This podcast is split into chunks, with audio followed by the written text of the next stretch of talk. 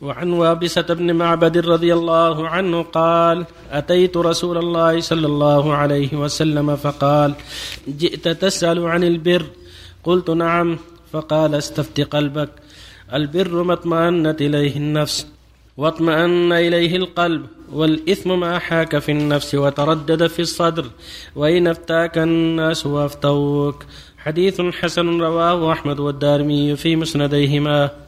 وعن أبي سروعة عقبة بن الحارث رضي الله عنه أنه تزوج ابنة لأبي إيهاب بن عزيز فأتته امرأة فقالت إني قد أرضعت عقبة والتي قد تزوج بها.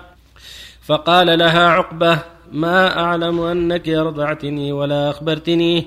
فركب إلى رسول الله صلى الله عليه وسلم بالمدينة فسأله فقال رسول الله صلى الله عليه وسلم كيف وقد قيل؟ ففارق عقبة ونكح زوجا غيره رواه البخاري.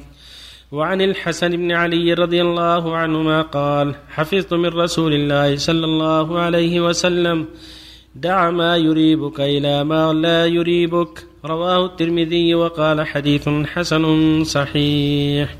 بسم الله الرحمن الرحيم. الحمد لله. وصلى الله وسلم على رسول الله وعلى آله وأصحابه ومن اهتدى بهن. أما بعد هذه الحديث الثلاثه كالتي قبلها.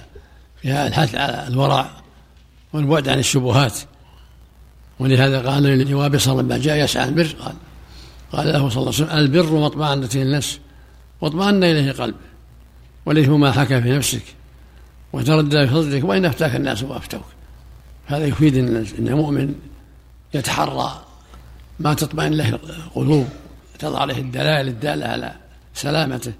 أما ما كان في شبهة وفيه تردد فالأولى بالمؤمن تركه والتعفف عنه والورع عن اقتراحه حماية لدينه وحرصا على سلامة دينه لأن متى تساهل بالشبهات؟ ولم يبالي بالورع وقع في الحرام. هذا يجر إلى هذا كما في هذه النعمان كما تقدم. من اتقى الشبهات فقد استورى لدينه. ووقع في الشبهات وقع في الحرام. كالرأي راح الحمى كما تقدم. وهذا حديث عقبة بن الحارث أنها تزوج بنت أبي ايهاب فجاءت امرأة قالت قد ارضعتهما فركب النبي صلى الله عليه وسلم وسأله قال كيف وقد قيل؟ والارضاع قال دعها عنك. فتركها عقبة وزوج غيرها. وهكذا حديث حسن بن علي بن أبي طالب رضي الله عنه سبط النبي صلى الله عليه وسلم. أمه فاطمة الزهراء رضي الله عن الجميع يقول حافظت من النبي صلى الله عليه وسلم ما يريبك إلى ما لا يريبك قرابه يريبه وأرابه يريبه من الرباعي والثلاثي. يعني ما تشك فيه دعه إلى الشيء الذي لا تشك فيه. هذا هو طريق الاستبراء للدين والعرض والأمن من الوقوع في الشبهات رزق الله الجميع التوفيق والهداية. الله عليك شيخ رجل دخل المسجد والإمام جالس في التحيات للركعة الأخيرة فكبر معهم وجلس في التحيات. عندما قام يقضي سمع بجماعة يصلون.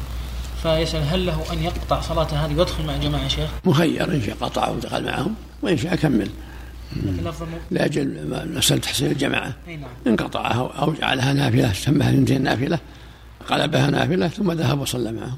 طيب. قول أن الروح تأتي من الله عز وجل. الروح خلقها مخلوقة لله. نعم. الروح كلها مخلوقة لله. لكن قول أن تأتي من السماء. الأرواح مخلوقة لله. يرسل بها الملك إلى الجنين. ثم تصعد روح المؤمن إلى الجنة. إذا مات المؤمن ذهبت روحه إلى الجنة. مخلوقة من المخلوقات. فضيلة الشيخ آه، هلك هالك على أبو وعم. وأخوة من الأب. ماذا وشمل تعطى الأم والسدس والباقي للأب والإخوة ما لهم شيء. يحجبهم الأب. تعطى الأم السديس والباقي للأب. الباقي للأب. يحجبون ولا يرثون يحجبون ولا يرثون نعم. الحديث الصحيح يقول النبي صلى الله عليه وسلم إذا مرض العبد أو سافر كتب له أجره صحيح مقيم. هذا يجري عليه الخير والشر ولا بس الخير كتب له ما كان يعمله صحيح مقيم من الأجر يعني. إذا سافر أو مرض. سافر دعوة مستجابة. جاء في بعض الروايات له دعوة مستجابة. لا تنسى من دعاك الله. يوفقنا وإياه وفق الله الجميع